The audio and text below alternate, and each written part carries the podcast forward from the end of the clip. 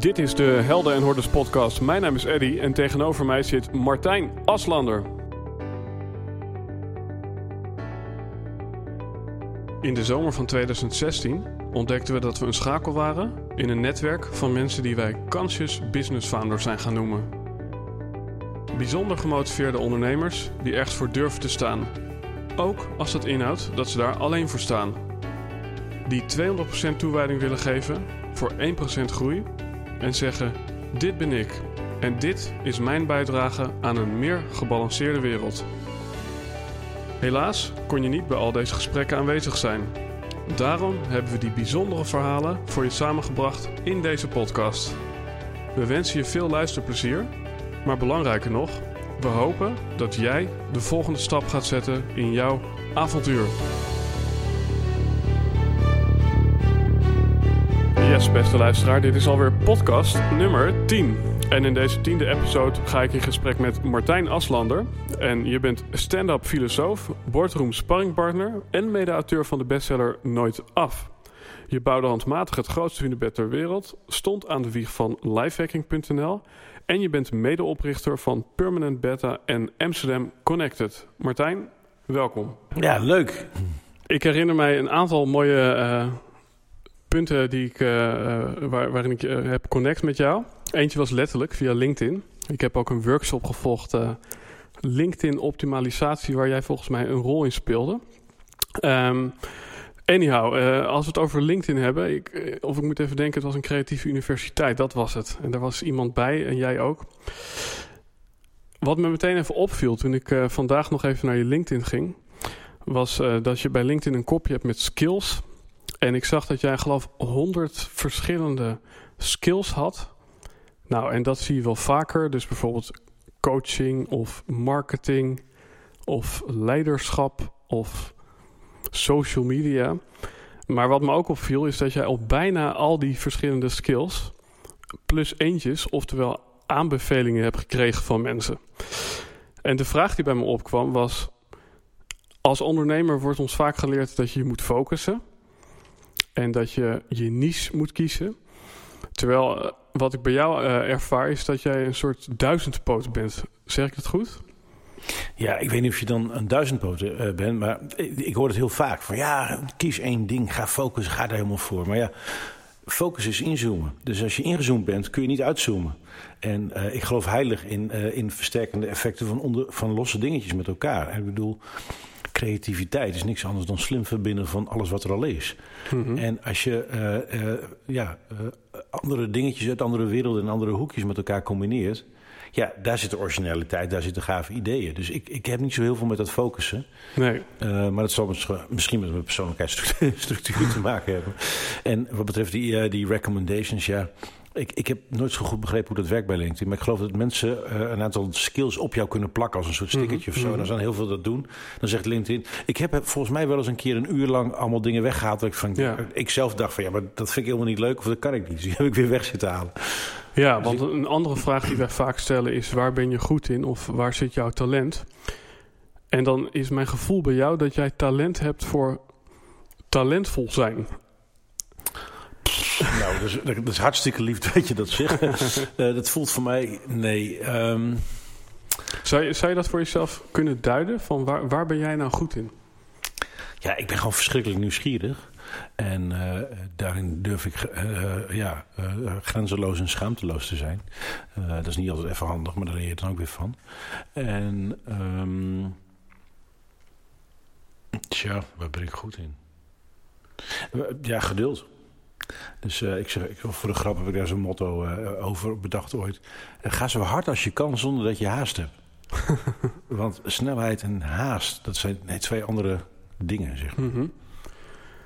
En het grappige is, zo, zo, typeer jij jezelf, geduld. Maar ik denk, geduld kan niet bestaan zonder drukte. of de ervaring dat, dat er heel veel moet gebeuren. Want toen jij hier net binnenkwam, toen hadden we het erover dat jouw agenda bomvol zat. En dat je dat even realiseerde van wow, um, mijn enige donderdag dat ik uh, hier kan aanschrijven is deze. En anders wordt het toch echt december. Want mijn perceptie van jou is, eh, je bent een enorm bezig bijtje en volgens mij kan het allemaal niet snel genoeg gaan. Nee, nee, dat is niet waar. Nee, nee, ik, uh, nee, ik kan gewoon, zoals, gewoon twee jaar wachten tot ik mijn kans zie. Dat ik denk, oh ja, nu, komt, nu, nu is de timing goed en dan, dan komt alles samen. Mhm. Ik heb ooit geleerd, als je gewoon heel veel ijs in het vuur gooit, of met heel veel dingen bezig bent, is er altijd wel, elke week is wel iets af. Dan ga je daarmee aan de bak. Ja, Dus, dus even tijd, ruimte, alle mogelijkheden. Het moet allemaal net meezitten. En eh, een van mijn grote handicaps is dat ik met de meeste dingen gewoon drie, vier jaar te vroeg ben. ja. En zijn dat dan ook dingen die eh, eh, letterlijk tegelijk plaatsvinden? Eh, en dan als voorbeeld, je hebt eh, een boek geschreven, Nooit Af. Nou, los van of dat eh, wel of niet af is. Ehm, eh, dat, er zijn schrijvers die sluiten zichzelf op op een eiland en dan... Nee, dit, dit, dit, is een andere skill of een talent van mij, denk ik. is dat ik gewoon al jaren met echt fantastische mensen samenwerk. Dus het zijn echt, echt Einzelgangers. En ja, ja, waarbij ik gewoon een soort dubbele helix werken we dan samen in dat stukje van het ecosysteem wat ik aan het bouwen ben. En ja, Nooit Af is gewoon het vervolg op Easycratie. En dat heb ik met Erwin Witteveen geschreven. ja. Ja, en, en Erwin is echt de penvoerder, dus de, de, de, de woordmagier. Maar ja, eh, ik, ik heb ook genoeg basiskennis en dingen in te brengen. Dus het is echt een soort dans tussen ons tweeën. Mhm. Ehm, en ja, dat, dat boek dat was een bevalling van nou, drie jaar, denk ik, of zo. Dus, eh, ja. dus het was meer Erwin die eh, op zijn kamertje eh, aan het zwoegen was. Eh, en Martijn, die zich helemaal suf aan het lezen was, mensen aan het interviewen was, dingen aan het nadenken was, aan het sparren was, publiek aan het eh, bespelen was. Om te kijken van ja, waar, waar gaat dit nou eigenlijk over? Waar Mhm. gaat dit nou naartoe? Wat hebben we hier te pakken? En ja, godzijdank is daar dan een heel mooi boek uitgekomen. Ja. Maar, ja, alle eer voor, voor Erwin. Maar ja, zonder mij had hij het ook niet gekund. Dus, dus ja, de gelijkwaardigheid. Maar heb je daarin een eh, werkwijze waarin je vijf dingen pakt op een dag eh, die je allemaal een beetje doet en over een langere periode zijn er dan verschillende dingen af? Of, of zit je echt één voor één dingen af te werken? Nee, nooit. Nooit. Dat heb ik, eh, nee, dat heb ik nog nooit gedaan. Ik denk dat ik met een stuk of 50, 60 dingen tegelijkertijd bezig ben. Ja. Dus ook daarin hoor je terug dat die focus eh, eh, daar ook niet. eh, Ja, ik heb wel focus, maar dan op het geheel. ja, dat is mooi. Ja. Een soort van helikopterfocus. Een soort eh, combinatie. Nou ja, het is de hele tijd in- en uitzoomen. En Mhm. kijken, hey, eh, het, het, het boek Nooit Af eh, versterkt weer eh, een ontwikkeling op een ander terrein... wat ik misschien de moeite waard vind. En zo ja, gaat het de hele tijd maar door. Mhm. En, eh, het is een, ja, een grote speeltuin. En, en hoe haal je daar voldoening uit? Eh, ik kan me namelijk voorstellen dat resultaat eh, georiënteerd denken, dat dat. Ja, er wordt wel gezegd, games zijn zo opgebouwd dat ze altijd een inspanning eh, vergen, maar ook een beloning opleveren. Eh, Waar, waar zit voor jou dan dat beloningmoment nog op het moment dat iets nooit af is? Ja, ja ik, ik ben nooit zo bezig geweest met de beloning. Voor mij is de lol van het creëren, daar zit mijn echte lol. Mhm. Dus dat kan een, een taalfonds zijn. Of een grap die goed werkt bij een zaal waar Ja. ik een lezing geef. Of een contact dat ik echt dacht van jeetje, wat gaaf dat ik zes jaar geleden toen iemand heb aangesproken en dat er dan nu dit uitkomt. Of zo. Ja. Dat soort dingen. Dus ik ben nooit bezig. Ik ben eigenlijk altijd bezig met nu, gisteren en overmorgen. Ja. Ja. Ja, er is een, eh, een Engelse quote eh, die mij eh, zelf altijd eh, intrigeert. En dat is focus on the input, not the output. Eh, en dan is het letterlijk zo dat op het moment dat jij bijvoorbeeld op zoek bent eh, naar meer likes... Ja, dan focus je eigenlijk op de output en niet op de input. Nou, dit Of- is echt waar, waar, waar het grootste deel van ondernemend Nederland natuurlijk misgaat. Die zijn bezig met, die willen geld verdienen in Ja. plaats van dat ze van waarde willen zijn. Ja. En dan kom ik eventjes bij het hunebed. Je hebt een, eh, toch alweer geruime tijd geleden een hunebed gemaakt. Eh, volgens mij de grootste van Nederland, zeg ik dat goed? De grootste ever. De grootste ever. Dat we weten, ja. Kun je, kun je dat heel even kort eh, toelichten in deze podcast? Wat je daar precies hebt gedaan? Nou, het hele verhaal komt later dit jaar, als het goed is, uit een boekvorm. Ik heb Ja. het eindelijk opgeschreven met iemand. Weer met iemand samen. Ja, ik was net voor een paar ton onderuit gegaan eh, eh, bij de verkoop van mijn bedrijf. Dus ik was alles kwijt. En eh, ik had een hoop glazen aan mijn hoofd. allemaal boze en teleurgestelde mensen. En toen dacht ik, in, in Drenthe hoorde ik ook nog dat, ze van de, dat er een discussie was over... moeten we niet van, die, van het hunebedden imago af? Misschien is het oudbollig. En onze scoutingclub bestond 50 jaar. En op een of andere manier dacht ik, nou weet je wat... ik ga een hunebed bouwen. Ik heb, ik heb niks te verliezen. Uh, verergeren, dit kan het niet worden. Ik ga een hunebed bouwen. Dat is een beetje uit de hand gelopen. Dus uh, twee jaar later hadden we 500.000 euro bij elkaar. Een deel in uh, cash en een deel in Natura. En wow. kwamen er 14.000 man helpen. Toen hebben we in 16 dagen tijd het grootste hunebed ever gebouwd... met alleen maar touwpalen mm. en stenen. En, en het leuke hier vind ik, want dit verhaal uh, is ook in andere media een aantal keren al naar voren gekomen. Niet voor niets, denk ik ook. Het is natuurlijk een bizar absurd verhaal, maar het is gewoon heel grappig. Ik bedoel, daar staan we helemaal niet bij stil. Maar uh, uh, Egypte heeft de piramides, Engeland heeft Stonehenge en wij hebben de, ja, wij hebben de hunebedden. Wij hebben en, en, Nee, we hebben de hunebedden. En, en nou ja, het, het kwam ook een beetje in die tijd van... Ja, ik zag op Discovery zag ik wel documentaires over het nabouwen van een uh, piramide en van Stonehenge. Ik denk, ja, we hebben hier die hunebedden. Volgens mij kan het wel. Ja. Dus zijn we het maar gewoon gaan doen. Soort Drentse, Rotterdamse mentaliteit. Niet lullen, maar poetsen. Ja. Wat ik er grappig aan vind, is dat als je spreekt over ik ben eigenlijk bezig met waardecreatie of uh, in die quote focus on die input vooral en niet on die output. En dan kan ik me toch voorstellen dat je een heel duidelijk uh, doel hebt, namelijk dat hunebed moet af. En dat je dus toch een resultaat voor ogen hebt en mogelijk ook teleurstelling op het moment dat je het niet haalt. Of ben je ook in die, in die hunebed uh, uh, creatie alleen maar bezig geweest met het creatieproces? Nou, als je zoiets probeert in Drenthe, dan heb je om de havenklap ellende. Dus we hadden al sowieso twee actiecomité's tegen de bouw van het hunebed. Stop het gesol met stenen. Nee, het, het, was een heerlijk creatief proces. Waarbij je om de havenklap allerlei soorten uitdagingen kreeg in allerlei dimensies.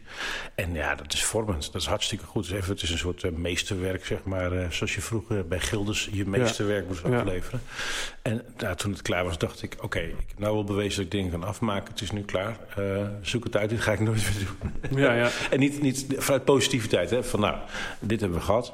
Uh, ik wil alleen nog maar uh, toffe, gave dingen doen die uh, mensen, ja, waar mensen van gaan glimmen en blij worden en van in beweging komen. Ja, dus begin with the end in mind, dat is niet helemaal uh, van Oh, nee, maar wacht. Ja, eind. Het is alles is weer een onderdeel van weer iets volgens. En terwijl je bezig bent, ontdek je in één keer in hindsight of halverwege al van... Ja. Oh, wacht even, dat we dit nu aan het doen zijn is ook handig voor daar en daar en daar en daar. Dus, ja. dus uh, het draagt allemaal bij. Ja, nou, want ik, ik, ik ja, vind dat uh, inspirerend. Dat gedeelte waarin je het pad ontstaat wanneer je gaat lopen. Ja, eens. en dat... Um, ja, het, stukje verwachtingen, daar hebben we het ook vaak over. Um, hoe, hoe verhoud jij je tot verwachtingen? Heb, je, heb jij verwachtingen? Of uh, leef jij helemaal in het nu en uh, laat je het leven gewoon gebeuren? Nee, ik hoop natuurlijk bij als ik dingen aan het bouwen ben dat ze lukken. Of, ja. uh, of dat de dingen ontdekken of whatever. Mm -hmm. Maar ja, een goede vriendin van mij, die is psycholoog, die zei... Ja, die Martijn die mist eigenlijk een, een beetje een gen voor verlies. Dus in de psychologie heb je een soort ding dat, dat, dat mensen banger zijn voor iets kwijtraken... dan de kans op winst en dat ze daarom dingen maar niet doen. Ja. Maar ja, ik heb verlies nooit echt uh, heel serieus genomen of zo. Ik Nee. denk, nou ja, uh, uh, heel erg kan het nooit worden, heb ik tot nu toe gemerkt. Je zit uh, 30 jaar in het ondernemersvak, als ik het goed heb. Ja, super grappig. Hoe oud ben je nu als ik vraag? 45. Dus je was 15 toen ja. je... Ja, ja. Ho hoe ben je daar ingerold? Is, is dat iets wat... Uh... Ja, ik ontdekte dat ik geld kon verdienen met wat we bij scouting deden. Nou ja, en als je en, uh, mensen een rondje door het bos laat lopen en een vlot laat bouwen... je vraagt er 10 gulden voor en er komen 100 man... dan ben je duizend, duizend gulden rijker twee uur later. Nou, dat is heel veel geld in de jaren 80. Ja. Toen dacht ik, kun je hier serieus geld mee verdienen? Oké, okay, nou... Dus, Klinkt ik, wel ben ik ben meer een entrepreneur, heb ik inmiddels geleerd, dan een entrepreneur. Dus ik ben nooit echt bezig geweest met winst. Dat, Ja. dat heb ik wel moeten leren. Zeg En, maar. en toch haal je hierin naar voren dat uh, je ontdekt uh, geld verdienen. En dat is natuurlijk juist... het- Ja, dat zit meer in het maar- ondernemerschap dan in het... Nee, nee, nee maar dit, dit, was zeg maar, dit zat meer in eh, de- mijn creativiteit daarin kwijt kunnen. En, Mhm. en eh, ja, wat ze tegenwoordig mooi noemen taakautonomie. Dat ik volledige vrijheid had in mijn eigen handelen. Eh, en dat de, de verdienste daarvan vele malen hoger was dan een afwasbaantje waarbij die taakautonomie niet had. Mhm. Dus zeg maar de ruimte hebben, de lol hebben van het creëren. Puzzels creëren voor de groepen. Ja, ik weet nog, ik, ik kocht een kruisboogset, een paar kruisboogsets. Omdat we dat gewoon heel vet vonden in die tijd. Alleen Mhm. ja, een kruisboog in handen van een groep is in één keer iets waar je een recreatieve activiteit met een spelelement in kan bouwen. En dan moet je weer gaan nadenken over veiligheid en veiligheidsnetten. Dus je leert heel veel op die manier. Dus Mhm. eh, het, het, het, het creërend en lerend aspect van het ondernemerschap is eigenlijk wat, wat ik leuker vind. En waar ik, waarvan ik het gevoel heb dat je daar meer ruimte hebt, eh, meer speelruimte vooral, eh, dan, dan bij een klassiek bedrijf. Ja. Wa- Wat deed jij graag als kind? Eh, Dus voor die 15... eh, Hutten bouwen, eh, door het land slenteren, eh, een circus bouwen. Ik was eigenlijk altijd dingen aan het bouwen. Dus Mhm. met vriendjes een circus bouwen en dan in huizen in de buurt die in aanbouw waren, dan stijger, Ja. stijgerhout jatten en daar dan de hutten mee timmeren. En, en dan waren we halverwege bij de hut zeggen, oh ja, het kan ook wel een boot worden. Dus al die vriendjes werden helemaal gek van mij. Want dan had ik ze net aan boord van het idee dat we een, een, een, een, circus gingen bouwen en dan moest het weer een schip worden. Maar nou, inmiddels eh, is dat een voordeel, geen nadeel meer. Maar, ja. Maar daar, ook daar zit natuurlijk duidelijk die waardecreatie. Ja, leuke dingen doen met leuke mensen. Mhm. Ja. In het intro van deze podcast zit eh, ondernemers die ergens eh, voor staan en durven te staan, ook al staan ze daar soms alleen voor. Ik hoor heel erg het stukje creëren en het, ook het samenwerken in jouw verhaal. Maar is er ook iets van een visie of een duidelijke missie verbonden aan je activiteit? Ja, inmiddels wel. Maar de, de, daar, daar moet je echt wel denk ik, wat langdurig voor bezig zijn... voordat je dan een gevoel hebt van... oh ja, this, this, this might work. Ehm, En, eh, en heb je die eh, in één zin. eh, ja, natuurlijk tricky om dat uit te spreken. Ik, las vorige week een artikel... hoe win je een Nobelprijs? En vooral wat je niet moest doen. En dat is zeggen dat je het een wil hebben. En terecht trouwens. Maar, maar ik heb ooit geroepen van... joh, ik, ik wilde vroeger toen ik klein was, toen ik jong was, dacht ik, oh, ik wil later miljonair worden. In de jaren negentig lazen we nog allemaal de quote. nu allemaal de happiness en terecht. En toen ging ik onderuit en dacht ik, oh, dat is dus mislukt. Dus, eh, maar wat, stel dat ik miljonair ben, wat, wat willen miljonairs? Nou, die willen miljardair worden. Oké, en wat willen miljardairs? Oh, die willen een Nobelprijs. En toen heb ik bedacht ergens, eh, eh, eh, 15 jaar geleden. Ja, maar een Nobelprijs, daar kun je gewoon mee beginnen. Je hoeft niet eerst miljardair te worden. ja. En, toen, en daar is dan weer uitgekomen. eh, hoe kan ik zo maximaal mogelijk van waarde zijn op deze planeet met de mogelijkheden en de skills die ik heb? Mhm. Het gaat mij niet om die prijs, als hij mij nou is, maar ehm, eh, ik, ik vind het een leuke, een, een, een, een leuke roadmap. Van, probeer dingen te doen die bijdragen aan de greater good op een, op een zo groot mogelijke schaal.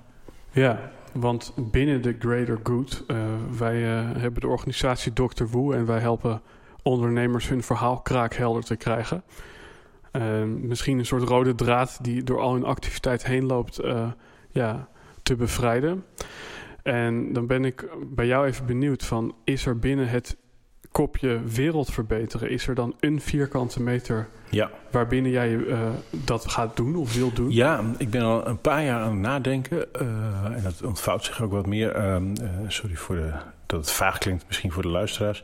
Ik ben aan het nadenken over een nieuwe versie of een nieuwe reveille van de polder. Eh, ik ben ervan overtuigd dat we, net als eh, in, de, in de 16e eeuw, dat we in een renaissance leven op dit moment. Een periode van ongelooflijke convergentie, samenstromen van allerlei eh, stromingen, gedachten, toestanden, whatever. Een enorme explosie aan innovaties, nooit eerder gezien. En daar kwam voor Nederland kwam daar achteraan de Gouden Eeuw. En Toen waren we voor het eerst en het laatst op het wereldtoneel waren we, zeg maar, nou, even aan zet. En ehm, ik denk dat we nu weer in een renaissance zitten. En ik denk dat, het, eh, dat, dat wat de wereld nodig heeft, is een, een nieuwe visie Mhm. eh, qua thought leadership. En waar moeten we naartoe met de wereld? Nou, dan moeten we niet naar Amerika kijken, want die zijn niet united. En eh, we moeten zeker niet kijken naar de West Coast aandelen gedreven technologiebedrijven. Eh, en we moeten ook niet kijken naar Azië. En daar gebeurt wel van alles. En dat is ook heel verdomd interessant. Maar die snappen inclusiviteit en democratie en mensenrechten niet zo goed. Dus ja, ik, ik heb ergens het vermoeden dat in de, in de tandem tussen het oude continent, Europa en Afrika, dat daar iets ligt. En ik noem dat een eh, nieuwe synthese tussen eh, overheden, bedrijven en burgers slash klanten. En daar ben ik al een paar jaar over aan het Mhm. nadenken. En zeg maar dat, dat, dat Rijnland denken ten opzichte van het Anglo-Saxisch denken. Maar dan gekoppeld met technologie. Dat is wel mijn, mijn vierkante meter op dit moment. En wat ik zie is dat, in de, uh, in, dat, dat uh, de HR-managers en de mensen die met management en leiderschap bezig zijn en, dat soort ontwikkelingen, die denken dat technologie, dat, dat snappen ze niet zo goed of dat vinden ze ingewikkeld en dat houden ze maar bij zich vandaan. En die denken dat de afdeling IT erover gaat. Of het nou een bedrijf is of een uh, overheidsinstelling, dat maakt niet uit. Alleen ja, de IT-afdeling doet niks anders dan zorgen dat er geen virussen komen, dat de backups kloppen en dat SharePoint werkt, zeg maar. En ik, ik zie juist die technologie als een enorme enabler uh, op het hele menselijk potentieel wat die mensheid heeft. En ik denk mm. dat wij in Nederland goede papieren hebben om daar wat mee te doen. Ik hoorde onlangs uh, uh, iemand vertellen dat Amerikanen op dit moment echt naar Nederland kijken, omdat wij wereldwijd de beste reputatie hebben in vooruitkijken in de toekomst. Dat, dat wij dat vak hier beter beheersen dan andere landen. En dat, dat, ja, dat zou wel eens zo kunnen zijn. Dus dat domein ben ik aan het verkennen, omdat ik zie dat daar te weinig mensen ook in spelen. Dus. Ja, maar je kunt dan of de focus leggen op het uh, uh, ja, beter inzetten of verbeteren van technologie. Nee, nee het is technologie uh, als brug tussen al die mensen. Kijk, -hmm. wat nou als elk vraagstuk op deze planeet in essentie gewoon een puzzel is? Nou, dan moet je puzzelstukjes verzamelen, de puzzel zichtbaar maken en puzzelaars verzamelen. Ja. En ja, dan kun je ook een laag springen, en kun je leiderschap en weet ik veel wat allemaal aan doen. Maar je, je hebt gewoon uh, technologie nodig om dat, om dat te bridgen, zodat we met z'n allen sneller kunnen ontdekken en leren. Ja, nou, ik kan me voorstellen, dat is misschien een, een flauwe tegeltjeswijsheid, maar uh, uh, technologie is pas fout of goed door wat je ermee doet. Ja, dus daar hoef je helemaal niet druk om te maken. In, in hoeverre is het dan belangrijk om het gedrag uh, of misschien de kijk op de wereld van de mensen die gebruik maken van die technologie te veranderen? Um.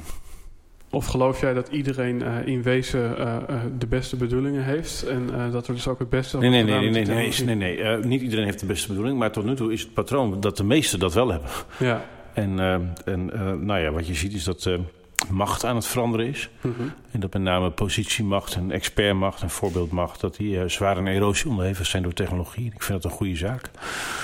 En die netwerkmacht die nu opkomt, ja, die is decentraal, die is tijdelijk, situationeel en die is veel lastiger te corromperen. Mm -hmm. Dus ik ben daar enthousiast over. En uh, ja, er zijn meer muizen dan katten. En, uh, en als de katten vervelend doen, dan, uh, ja, dan hebben ze toch een probleem met die muizen. ja. Ja. Dus ik, ik geloof niet zo in die oneindige macht van corporates of overheden. Dat valt allemaal reuze mee. Mm -hmm. uh, die hebben wel macht. En dat is ook wel vervelend en nasty op, op, op allerlei plekken. Maar ja, ik, ik zie niet hoe dat stand kan houden in de nabije toekomst.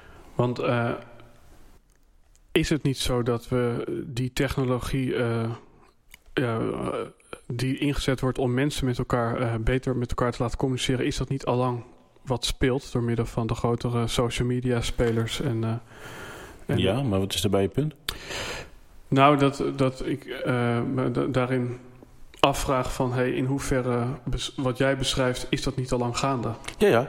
Ja. Dat klopt. Mm -hmm. Alleen wat ik interessant vind is hoe we met dat fenomeen uh, uh, uh, krankzinnige sprongen maken als het gaat om onderwijs, logistiek, um, diepe inzichten rondom weet ik veel, eiwitsyntheses, nieuwe medicijnen, het voedselvraagstuk. Mhm. Mm -hmm. Dus ik ben geïnteresseerd in grote puzzels op mensheidniveau en kijken hoe we die sneller met alle kennis die er is kunnen oplossen. Want we weten eigenlijk alles al, alleen het is niet op één plek al die kennis. Ja.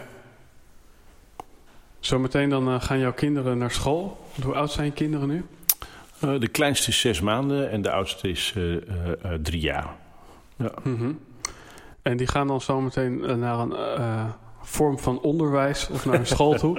nee, nee, nee, nee, nee. Die gaan bij jou nee, nee, nee, jawel, maar dat, we, daar zijn we met z'n allen niet eerlijk over. De, de belangrijkste van, functie van school is natuurlijk gewoon kinderopvang. Ja. Ik wil ook een laag springen, maar uh, als de scholen massaal dichtgaan, dan hebben we pas echt een probleem in Nederland. Dus de belangrijkste functie van het Nederlandse schoolsysteem is eigenlijk kinderopvang. Ja. En um, het onderwijs zelf, daar, uh, ja, heb, heb je daarin... Uh, wil je daar veel invloed op uitoefenen? Heb je daar nou ja, mijn volgende boek, uh, ik ben met Annette Duller daar een boek over aan het schrijven. Dat komt dit najaar uit, nooit af in het onderwijs. En het onderwijsvraagstuk is eigenlijk een uh, systeemvraagstuk. Dus het heeft niks met het onderwijs zelf te maken, maar, maar echt um, met dat we in een raar systeem zitten met financiering. En... Kijk, onderwijs heeft vijf functies. Kinderopvang, ik denk dat, dat, zonder dat we dat, daar echt bewust zijn dat dat het belangrijkste is. Uh, daarna eh, moeten kinderen leren omgaan met andere kindertjes. Dus maar Mhm. socialisatie. Dat is belangrijk. Eh, maar dat kan ook op een pleintje. Maar school is prima, omdat je dan misschien Mhm. kindertjes uit een andere, ander milieu in aanraking komt. En dat is goed voor begrip en zo. Dan eh, moet je je klaarstomen voor de samenleving. Dus eigenlijk moet het vak maatschappij leren het belangrijkste vak worden. Van hey, hoe werkt de wereld, zeg maar. En welke perspectieven zijn erop. En dan was er nog iets met leren, geloof ik. en met ehm, klaarstomen voor de arbeidsmarkt. Nou, dat leren, dat gebeurt op zoveel plekken. Die, de jongste is drie. En die, die, die, die praat behoorlijk. Die kent woorden die wij haar niet geleerd hebben. Maar die pakt ze op van Netflix, van series, van whatever. Dus die, mensen leren door af te kijken. Dat kan overal. En, Mhm. ehm, en leren is echt al lang niet meer het exclusieve domein van, eh, van, eh, van het klassieke schoolsysteem. En arbeidsmarkt, ja, mensen klaarstomen voor de arbeidsmarkt. Ja, dat systeem is zo hopeloos achterhaald. Dat, dat, nou ja, daar gaat ons boek nooit af ook over. Dat heeft eigenlijk niet zo heel veel zin meer. Want zelf ben jij ook een uh, vroege schoolverlater, toch? Nee, nee, nee, nee. Integendeel. Ik was 21, toen had ik eindelijk mijn VWO-diploma. Maar Ik ben, ik, wat is er dan wel gebeurd? Want ik, ik, ben, in- ik ben naar de HAVO gegaan en toen naar de MAVO en toen naar de huishoudschool. Ja. Die bestond toen nog. Toen weer naar de MAVO, toen naar de HAVO. Toen ben ik blijven zitten. Toen ben ik nog even doorgegaan. En toen heb ik een VWO gedaan. Dus ik was 21, toen had ik eindelijk mijn VWO-diploma. Ja. Dat heet tegenwoordig stapelen. En, maar dat, dat mag geloof ik niet meer. Eh, maar ja, dus ik, nee, ik ben een, vo- een volhouder, zeg maar. Uh-huh. Of omdat ik niet wist wat ik anders moest doen. En ik ben dus die bedrijfjes gaan opzetten terwijl ik gewoon op school zat. Mhm. Omdat ik me eigenlijk gewoon verveeld op school. Ja. Nu eh, heb je wel eens in een eh, ander interview eh, gezegd... Leren, leren. Dat, dat, dat vind ik Ja. heel belangrijk. Ja, ik denk dat dat...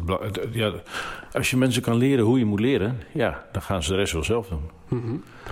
En dat is niet hetzelfde als rijtjes stampen of... dus ja, er zijn zoveel Dus manieren het, waarop is, je het kunt is leren. niet het, eh, eh, eh, het is geen cursus snel lezen of hoe kan je zoveel mogelijk onthouden. Nee, hoe, ho- hoeveel approaches kun je wel niet, niet gebruiken om iets te leren? Dus als we bezig zijn met leren, leren, een beetje meta... dat is eigenlijk waar die lifehacking beweging ook Mhm. over ging. Dat ging die ik heb opgezet in Nederland met wat mensen. Ehm, dat ging echt over hoe kan ik meer doen in minder tijd... met minder stress, tegen lagere kosten, met meer impact. Zeg maar, het Mhm. voorlopen van het nieuwe werk. En wat we zagen is dat die lifehackers, eh die, eh, die waren echt op metaniveau de hele tijd bezig met wat ben ik nou eigenlijk aan het doen, hoe ben ik dat aan het doen en kan het niet wat slimmer. Want ja, het is mijn waarneming dat een groot deel van de mensen heel veel onnodig dubbel werk aan het doen is. Mhm. En dat veel kenniswerkers, en daar hebben we er 5 miljoen van in Nederland, de computer gebruiken als een moderne typemachine. En, da- Ja. Dat geeft niks, dat mag allemaal, maar dat ja, is niet zo handig. Dus wil je zeg maar vooruit en wil je ontwikkelen, dan is eh, leren leren een van je belangrijkste opgaves, denk ik.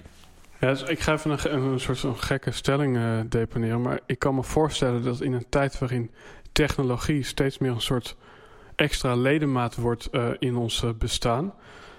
Dat het leren misschien juist wel minder relevant wordt, omdat alles wordt opgeslagen in hele intelligente computers, die zometeen ook nog in de Internet of Things overal in verweven zitten.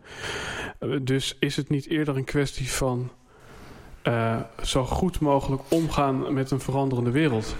Eh, ja, maar dat is een houding, zeg maar. En eh, leren leren, dus daar een focus op hebben, is dat je eh, ehm, op tijd snapt wat voor soort kennis je hebt, nodig hebt. En dat je weet hoe je die kennis eigen kan maken. Mhm. Nou, dat is, daar horen dingen bij als leren vragen stellen aan anderen. En, en die, die vraagverschroom of vraagverlegenheid overwinnen. En allemaal dat soort dingen. Dus dat zit misschien ook op het raakvlak bewustzijn en alert zijn. Kijken wat er op dat moment in de tijd nodig is. Ja, Mathieu Weggeman, nog leren in, eh, in, eh, in, eh, Nijrode, die zegt altijd van ja, de halfwaardetijd van kennis is heel hard aan het afnemen. Dus als je 30 jaar geleden hoogleraar of een- je, je doctoraal had, dan, ja, dan kon je dat de rest van je leven opteren. En als je nu afstudeert, moet je ongeveer na een jaar weer opnieuw beginnen met dingen leren. Omdat ja, Ja. al die kennis ontwikkelt zich veel sneller. Dat is een zegen op mensheidniveau, maar op individueel niveau is dat anders dan vroeger. Ja, ik herinner me dat nog van mijn eh, eh, HBO, waarin ik op een gegeven moment een cursus in ActionScript, eh, een flash programmeertaal kreeg. Eh, en, eh, voordat Steve Jobs het ging vermoorden. zeg en toen maar. hadden Ja. we een, een, een boek nodig, ActionScript 3. Maar het boek was eh, nog niet uit bij de drukker of de nieuwste versie was er alweer. Ja. Dus eh, ja, dan, dan gaat het inderdaad te snel eigenlijk om ook in een instituut of in een school... eh, En dat is niet erg als we daar maar eerlijk over zijn. Ja. Mhm. En waarom zou, waarom zou je er niet eerlijk over zijn? Omdat je dan eh, moet erkennen dat het systeem wat we gebouwd hebben eigenlijk niet meer werkt. Ja. En daar hangt natuurlijk heel veel aan. Dus politiek, dus macht, Ja, budget, ja. instituties. En eh, nou ja, heerlijk om daar een boek over te schrijven. Wat ik ook mooi vind is eh, afleren. Dat is een woordje, natuurlijk even de tegenhanger van leren. Maar ik heb ooit een oom gehad die zei... ik ben eigenlijk naarmate ik ouder word alleen maar bezig geweest met afleren. En hij zegt namelijk als je bepaalde dingen afleert... vooral belemmerende overtuigingen en aannames... dan kom je vrij te staan. En in die vrijheid kun je weer creëren en eh, ontstaat de wereld. Ja.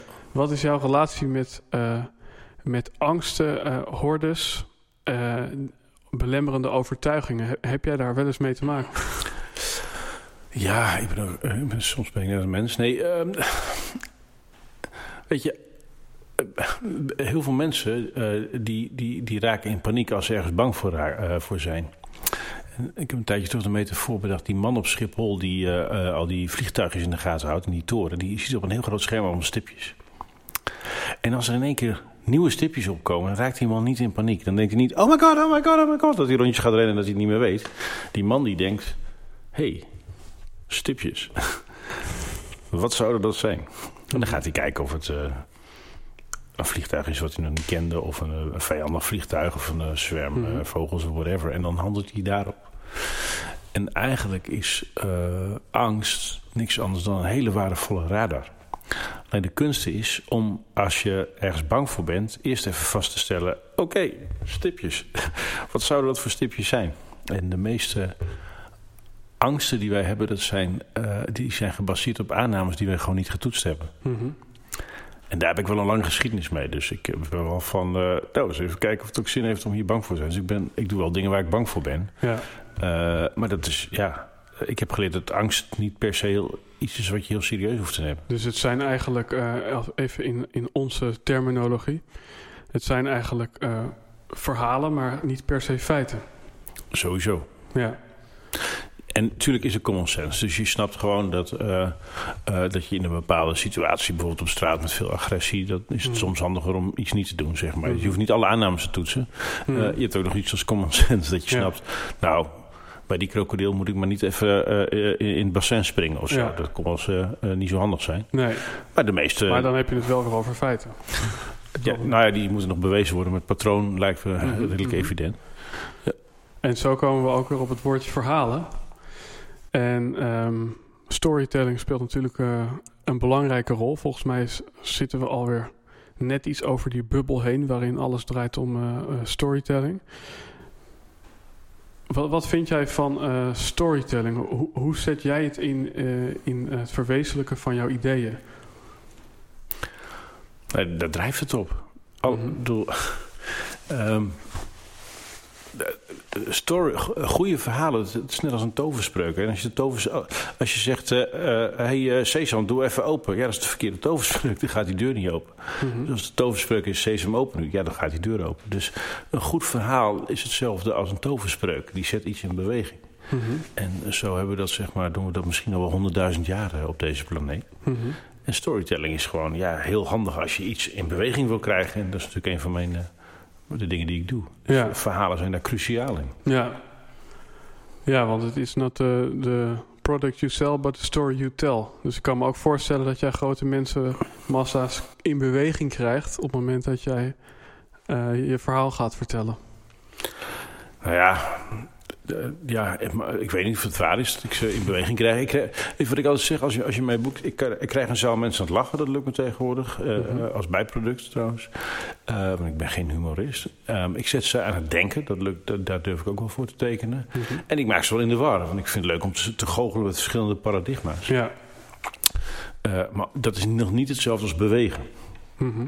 Ik, ja, ik had laatst eh, een lezing, die ging niet door. Want ja, mensen willen toch echt heel graag concrete stapjes naar uit. Van ja, dan Martijn, en dan ben je klaar. Wat gaan die mensen er dan mee doen? Ik zei, ja, dat is niet aan mij. Dus, die- ja, dus dat ging niet door, dat feest.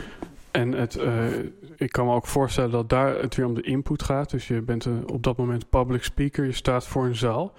Heb jij op dat moment een intentie eh, van... eh, ja, wat wil je dat er gebeurt zodra mensen de zaal weer uitlopen? Wat wil je dat er in die mensen gebeurt? Nou ja, again, ik wil dat ze gelachen hebben. En waarom? Dan gaat de geest verder open. Dan ontspannen ze. Dat is belangrijk, ook in, de, in die groepsdynamiek. Ehm, ik wil dingen zeggen die gezegd moeten worden, maar vaak niet gezegd durven worden. Of dat mensen het overzicht niet hebben. Dus ik, ik ja, probeer er dus daar redelijk stevig ook in te zitten. En ik probeer altijd een, een, soort perspectief te bieden van jongens, kijk eens wat er allemaal kan. Dus ja, uh, it's up to you. Uh, dus in die zin zit ik niet in het rijtje uh, motivational speakers of zo. Die zeggen, nou, nou, Martijn, heb je er weer zin in of zo? Of mm -hmm. dan komt alles goed. Want dat is gewoon niet waar. Ik, ik kan alleen mensen wijzen op ontwikkelingen die ze gewoon nog niet hadden waargenomen. Ja. En veel meer dan dat kan ik niet. Het gevolg daarvan is wel dat mensen ter plekke ontslag nemen of andere dingen gaan doen. Maar dat, ja, dat is niet aan mij. Uh -huh. En dat is ook niet de intentie waarmee ik daar sta. Nee. Helden en hordes zei deze podcast. En uh, hordes hebben we het net eigenlijk al even over gehad. Uh, tegenslagen, angsten, belemmerende overtuiging. Hordes heeft ook nog een andere interpretatie volgens Van Dalen. En dat is grote massa's. Mm -hmm. um, nou, hebben we het net natuurlijk uh, ook al over gehad. Public speaking. Volgens mij ben jij uh, one of a kind. Um, laten we het zo zeggen. Ik heb nog geen kopie van jou gevonden. Um, en ik kan me voorstellen dat iedereen uh, one of a kind is. Maar ik denk dat het jou aardig lukt om ja, gewoon jezelf te zijn en ondertussen lekker te ondernemen en te werken. En dat sommige mensen dat privézakelijk nog een beetje gescheiden houden. Hoe, uh, verhoud jij je tot hordes? Heb jij in het verleden um, uh, misschien wel op een verjaardag of uh, op een familiefeest dat mensen allemaal denken: Nou, die Martijn, dat is nou echt een gekkie, daar heb ik helemaal niks mee. of dat ze denken: die Martijn is helemaal geweldig, maar hoe, hoe ga je daar überhaupt mee om? Met, met de meningen en reacties van, van een grote groep mensen die het in ieder geval niet zo doet als jij het doet? Nou, daar heb ik een hele lange geschiedenis. Zeker als je diep in de binnenlanden van Drenthe opgroeit, zoals ik. Um, ja, ik weet mijn hele leven al niet beter dat, dat ik maar voor ideeën heb. Of dat mensen denken, joh, heb je Martijn weer met zijn ideeën. Dus ik ben dat gewend. Dus mm -hmm. um, daar heb ik mee leren dealen. En uh, dat is prima. Ga je daardoor juist harder? Doordat je merkt dat uh, mensen nee. zeggen het kan niet. Je oh kunt, ja, nee. Je dat, kunt geen hunebed bouwen. Ja, dat is, wel, dat is wel een grappige motivatie. Als mensen zeggen iets niet kan, dan heb ik wel een soort stemmetje van... nou, dat zullen we nog wel eens zien. heb ik namelijk nog nooit meegemaakt dat iets niet kan. Uh, uh, dus daar zit wel een soort grappige motivator. En niet vanuit rancune of frustratie, maar vanuit een soort vrolijk optimisme van... nou, volgens mij kan het wel. Mm -hmm. dus, dat, dus dat gaat dan weer uit van mijn heilige geloof in de kracht van creëren. Ja. want ja, dat is een domein daar kun je nog niks over zeggen. Je weet niet wat er gecreëerd kan worden. Dat is leuk van creëren. Mm -hmm. We zien wel hoe ver we komen. En um, ik ben niet zo heel gevoelig voor groepsdruk. Dus als iedereen zegt, Martijn, je moet naar links... of uh, je moet dit niet doen of dat wel doen... Mm -hmm. Ja, dat, dat, dat, in die zin ben ik heel autonoom. Ik, ja. luister, ik luister wel heel veel naar andere mensen. Ik leg ook mijn oor te luisteren. En ik vraag ook wel om raad en advies mm -hmm. bij sommige mensen. Maar ik kies zelf. Dus daar ben ik heel autonoom in, ongeacht de consequenties. Hoe vaak heb je voor een groep gestaan? Dat, hangt, dat is even afhankelijk van de definitie. Want ik realiseerde me uh, veel later pas dat ik tussen mijn vijftiende en mijn... Toen ik begon met spreken, zo rond mijn 28ste, 30ste ongeveer. Ik denk dat ik toen ook al een paar duizend keer voor een groep heb gestaan om uit te leggen hoe je een, uh, moest afzuilen van een klimmuur. Of hoe je moest leren vuur spuwen. Of uh, nou ja, al die andere gekkigheid die ik in die tijd deed. Dus toen had ik wel ervaring, maar dat was meer instructie of uitlegroutine. Uh, -hmm. in voor een groep staan, dan dat je ze stil moet krijgen met een verhaal wat ze misschien niet willen horen. Ja. En dat tweede stuk, daar heb ik denk ik nu een paar duizend keer uh, mee opgetreden. Ja. Dat is echt mijn advies ook aan iedereen die ooit wil uh, leren spreken en dat als een vak wil zien. Mm -hmm. uh, if you want to be on stage, you have to be on stage. Mm. Je moet echt meters maken, want pas na een paar honderd lezingen ga je leren hoe je een zaal moet ja. lezen. En dat is eigenlijk je belangrijkste skill. -huh. Is het zo dat, ja, ik heb verschillende documentaires van artiesten gezien, dat eigenlijk um, het verschil tussen onstage, offstage, uh, tussen erkenning en eenzaamheid, uh, zijn dat verschillen die, die jij herkent? Is het zo dat jij echt eventjes fysiek en mentaal moet afbouwen nadat je een, uh, een uur op het podium hebt gestaan? mijn, mijn record is, uh, ik geloof, 3, 24 lezingen in vier dagen.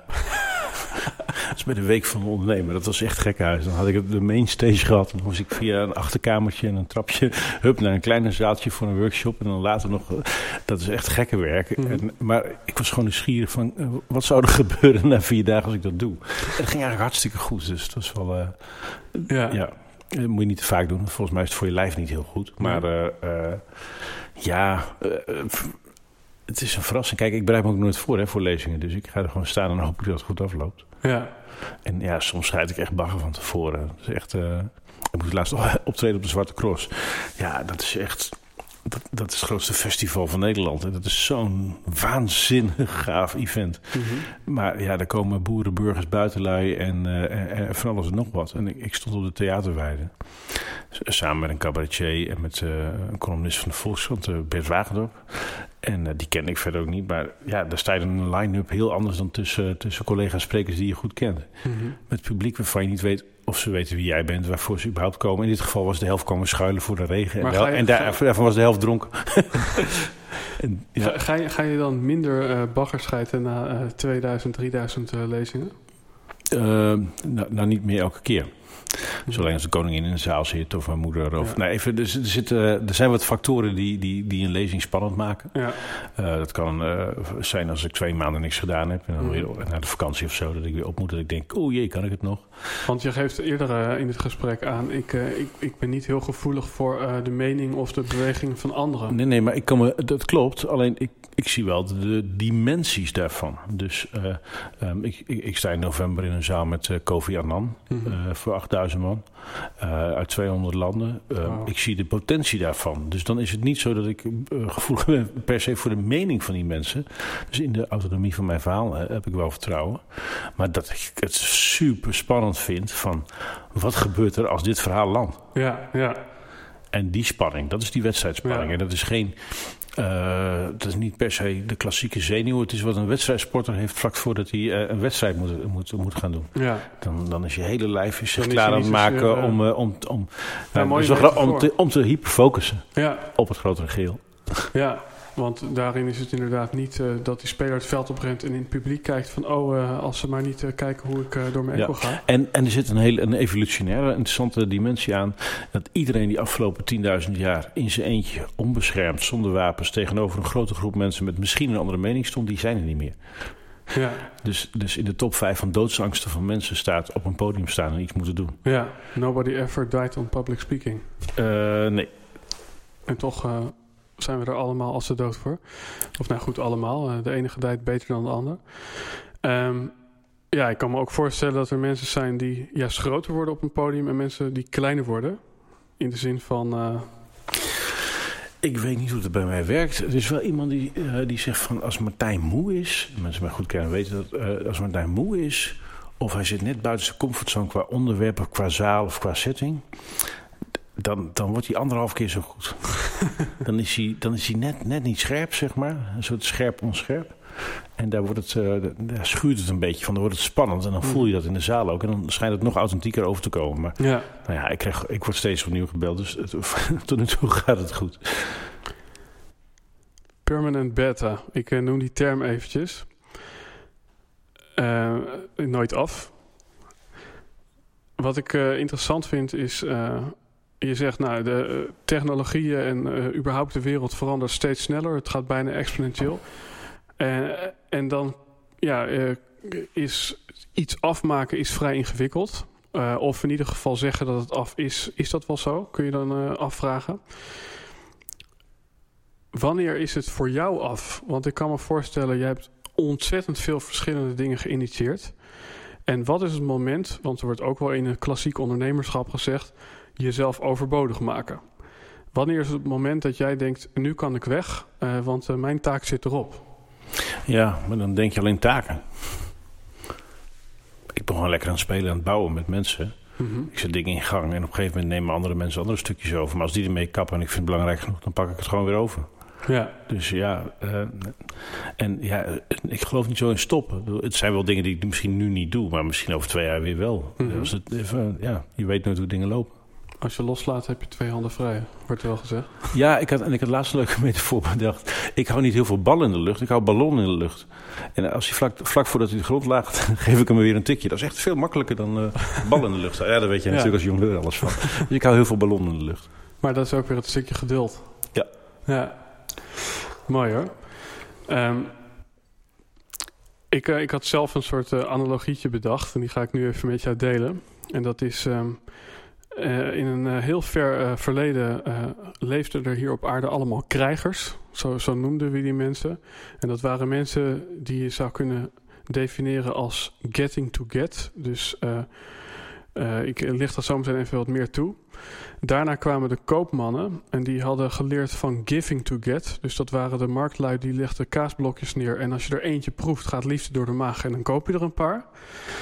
En toen eh, sprak ik met een ondernemer en die had het over giving to give. Eigenlijk de overvloed of altruïsme beweging. Is dat een eindstation? Nou ja, eh, om met de Matrix te, te praten, there is no spoon. Dus ja, bestaat er een station? Ja, de- eh, en zo ja, een eindstation. We weten het niet. Maar heb jij het gevoel dat wij eh, qua eh, eh, beweging van geven, ik denk dat jij daar een mooi voorbeeld in bent. Het begon natuurlijk ooit met waardebepaling achteraf, maar ook permanent beta, wat eigenlijk een festival is waarin eigenlijk helemaal geen geld komt kijken. Dus er zit helemaal geen. Eh, Nou, zo goed als niet. Kijk, af en toe moet je iets kopen, maar even... eh, Mhm. nee, de grap is dat technologie maakt het mogelijk om het hele surplus wat we hebben, het materieel surplus, maar ook het cognitief surplus, dus alle kennis en ideeën die we met z'n allen hebben, om dat te ontsluiten op een manier die nooit eerder mogelijk was. Markten bestaan bij de gratie van vraag-aanbod-frictie. Dus hier ligt iets en daar wil iemand het hebben. Hoe breng je het bij elkaar? Daar gaan mensen tussen zitten en dan bouw je dan organisaties omheen. Maar ja, technologie is heel veel vlakken die frictie weg aan het halen. En alles wat eenmaal digitaal is, is niet meer materieel. Dan kun je het oneindig delen zonder meerkosten. Dus ja, de, het spectrum wordt anders nu. En Mhm. daar zal geld nog wel een rol krijgen. Maar ja, steeds kleiner, denk ik. ja. ja, dan kom je bijna in een soort van eh, het oversteken.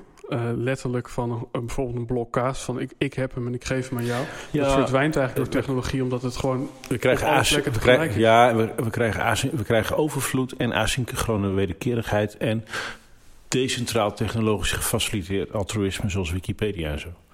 Dus het is, Wauw, dat is een hele, is, hele een heel ja, het is een heel spectrum aan dingen die tegelijkertijd plaatsvinden. En ik had een mooi debat ook met eh, de korpsleiding van de nationale politie. Van ja, ik zie geen toekomst voor de vermogensdelicten. Mhm. Ik denk, als, eh, ja, waar wil je in de toekomst als crimineel nog geld mee verdienen? Drugs ga je op een gegeven moment kunnen we die allemaal zelf wel maken en printen. En hebben we ook nog eh, een betere trip hebben die gezonder is voor ons. Ja, Dus hoezo dacht de, die drugshandel dat internet is cutting out een middleman niet voor hun ging gelden? ja. Dus ja, eh, en, en dan haal je ook een hoop van de geweldsdelicten weg. Dus we gaan zo'n andere wereld tegemoet. En toch zit er volgens mij in het DNA, en ik geloof dat het eh, DNA één keer in een miljoen jaar een half procent verandert. Eh, nou, dan overdrijf ik misschien, maar eh, het, het, het lichaam verandert niet zo snel als, als de technologie en de wetenschap. Ehm, dat het toch in de mens zit om te willen collecten als een soort overlevingsinstinct. Dat we verzamelwoede hebben. Is dat, is dat nog zo? Eh, eh, ik, heb, eh, ik heb een enorme verzamelwoede voor muziek. Ik wilde alle muziek hebben die ik te pakken kon krijgen, die ik ook maar een beetje leuk vond. Dat was in iTunes. Ik heb nog steeds 140 gig aan muziek in iTunes. En sinds ik Spotify heb, kijk ik er eigenlijk niet meer. Nee. Dus is dat, is het wel waar? Ja, maar dat is eigenlijk omdat het spelletje ook niet meer leuk is als je alles al meteen hebt. Ja, maar als je alles hebt, dan hoef je dus niet te collecten. Nee. ja. Ja, nou, het is natuurlijk interessant. Kijk, ik denk voedsel en dat soort dingen, dat, eh, ja, dat is toch iets wat je echt materieel in moet nemen, anders wordt het een beetje lastig. In die zin kunnen we denk ik niet alles technologiseren, toch? Nou ja, laten we vaststellen dat er minder mensen dan ooit sterven aan eh, eh, voedseltekort. Nog steeds oneindig veel meer dan dat oké is, Mhm. maar minder dan ooit. En, en die kant gaat het op. Mhm. Ben jij een eh, als je zelf zou moeten typeren, ben je een Einzelganger of een, eh, of een, een, een groepsmens? Beide. Mhm. Ik vind het heerlijk in mijn eentje. Mhm. En ik vind het ook heerlijk in groepen mensen, maar ook weer, ja, beide. Ja, Ik heb ze beide nodig. ja. Nee, dat is, dat is iets wat ik me gewoon afvroeg. Want uh, je hebt het vaak over samenwerken, over netwerken. Um, nou, dat hunebed waar je in één keer 14.000 man uh, aan boord had. En toch uh, merk ik vaak, het idee komt vaak bij jou vandaan. Uh, dus in die zin ben je ook vaak een initiator en een facilitator, denk ik. Ja, maar ik ben heel vaak alleen. Hè? Ik ben on the road. Dat is bijna mm -hmm. altijd in mijn eentje of dat er iemand met me meereist. Dus ik ben veel onderweg. Ik vlieg veel, uh, veel in Afrika de laatste tijd. En dit jaar ga ik nog naar Teheran om daar eens te kijken wat daar gebeurt. Dus ik heb heel veel tijd om na te denken en dingen te overdenken en heel veel te lezen. Dus, dus ik ben erg op mezelf. Mm -hmm. En daarnaast heb ik nog een hartstikke leuk gezin. Dat is een hele andere dynamiek. En daarnaast ben ik uh, met groepen mensen bezig. Dus ja, het zijn die drie dynamieken naast elkaar. Als je uh, die drie dynamieken er even bij pakt. Um, ik heb ook wel eens uh, gehoord van een uh, ondernemer die had een model gemaakt: me-time, work-time, we-time. Dus hij begint iedere ochtend met me-time. En dat is mediteren naar de sportschool, een boek lezen of een boek schrijven. daarna naar het werk. en dat is ook een beetje geld verdienen en de, de windmolen laten draaien of de schoorsteen laten roken, maar net hoe je het zegt. En dan s'avonds we, en dat is of tijd met vrienden of met familie doorbrengen. Ben jij iemand die daarin ook zo'n structuur heeft aangebracht? Uh... Nou ja, met jonge kinderen dicteert een deel van die structuur zich vanzelf. Want die moeten gewoon op vaste tijden wakker worden, -hmm. slapen, eten en dan nog wat van die dingen. Nou ja, vandaag uh, was de kleine, dus de jongste, die was om uh, zes uur wakker. Uh, dus nou ja, die moest ik even bezig zien te houden. En die wilde per se een film zien. Dat, dat mag voor mij gewoon. Mm -hmm. Dan kon mama en de andere nog even slapen. En toen was ik wakker. Toen dacht ik, oké, okay, dus toen heb ik een uurtje lang uh, gewerkt. Of nou ja, werken, gespeeld. Dat, data zitten crunchen. En uh, mm -hmm. lekker bezig met de computer dingen uitzoeken. Um, en uh, toen ben ik gaan hardlopen. Toen ben ik, en tijdens het hardlopen ben ik Pokémons gaan vangen. Want dan is het nog een beetje leuk. en een paar gyms verdedigd. Super leuk spelletje vind ik dat. En was ik ook nog een podcast aan het luisteren. Dus ik ben en aan het bewegen. -hmm. En er zit een spelelement in. Dus dat houdt me scherp. En ik luister ook nog naar een podcast ja, tijdens wow. het hardlopen. En dan heb ik in een uurtje toch echt het gevoel gehad dat ik heel veel gedaan heb. Ja, ja ik heb wel eens gehoord de termen uh, autorijden, rijdende universiteit. Omdat je dus tegenwoordig podcast kan luisteren. Maar jij voegt er eigenlijk nog een dimensie aan toe, namelijk het spelelement. Ja, superleuk vind ik dat. En, uh, maar goed, en op terug boodschappen doen naar huis. De kleine naar de, naar de, naar de crash brengen. En dan even rustig met, uh, met mijn meisje wakker worden. even ontbijten, even, mm -hmm. even wat eten, krantjes lezen. En dan hup, vol aan de bak. Ja. Ja, want het viel me op dat uh, je post iedere avond om zes over half negen iets op Facebook. Uh, en toen zag ik ook een aantal keer uh, in ieder geval zo zacht eruit alsof je aan het werk was. En toen dacht ik, nou, dat is in ieder geval niet de we-time zoals die andere ondernemer die s'avonds alleen met zijn gezin doorbrengt.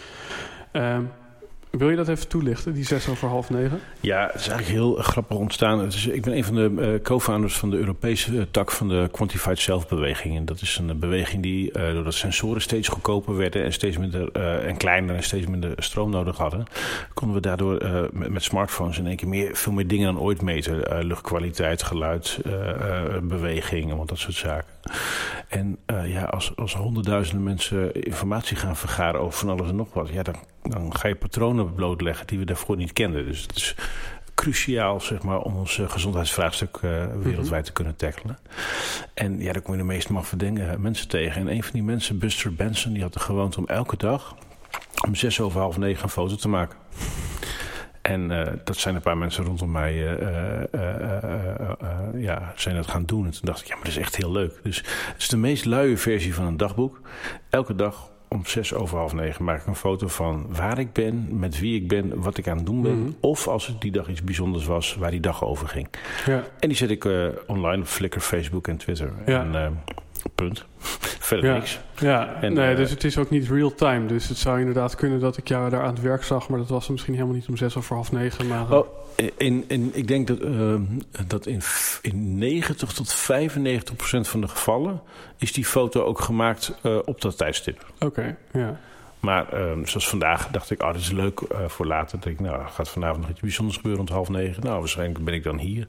Oh, dan ben ik in gesprek. Nou, ik post later wel even een foto ja, van dit ja. moment, want dat is leuk. Ja, want, oh, het, is, het, is, ook een soort dagboek. En dat doe ik nu een jaartje of, ik denk vier, vijf, misschien wel zes.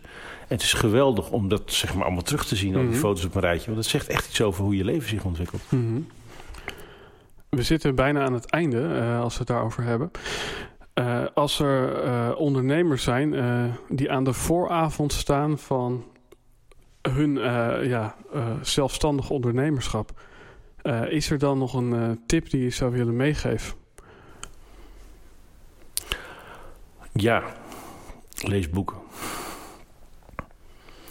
Ja. The difference between where you are now and in five years depends on the quality of books you've read. Leaders are readers, heb ik wel eens gehoord. Ja, echt. Uh, echt uh... En toch vind ik dat meteen uh, ook weer een interessante. Ik, je moet het daarna nog wel doen, hè? Maar, ik heb zelf een keer ja. gezegd van, precies, ik heb een keer gezegd van... sommige mensen hebben ervaring door leven, anderen door lezen. ja, mijn ervaring is dat je beter kunt leven als je meer leest. Ja, en, en maar, die, maar, die, maar die implementatie.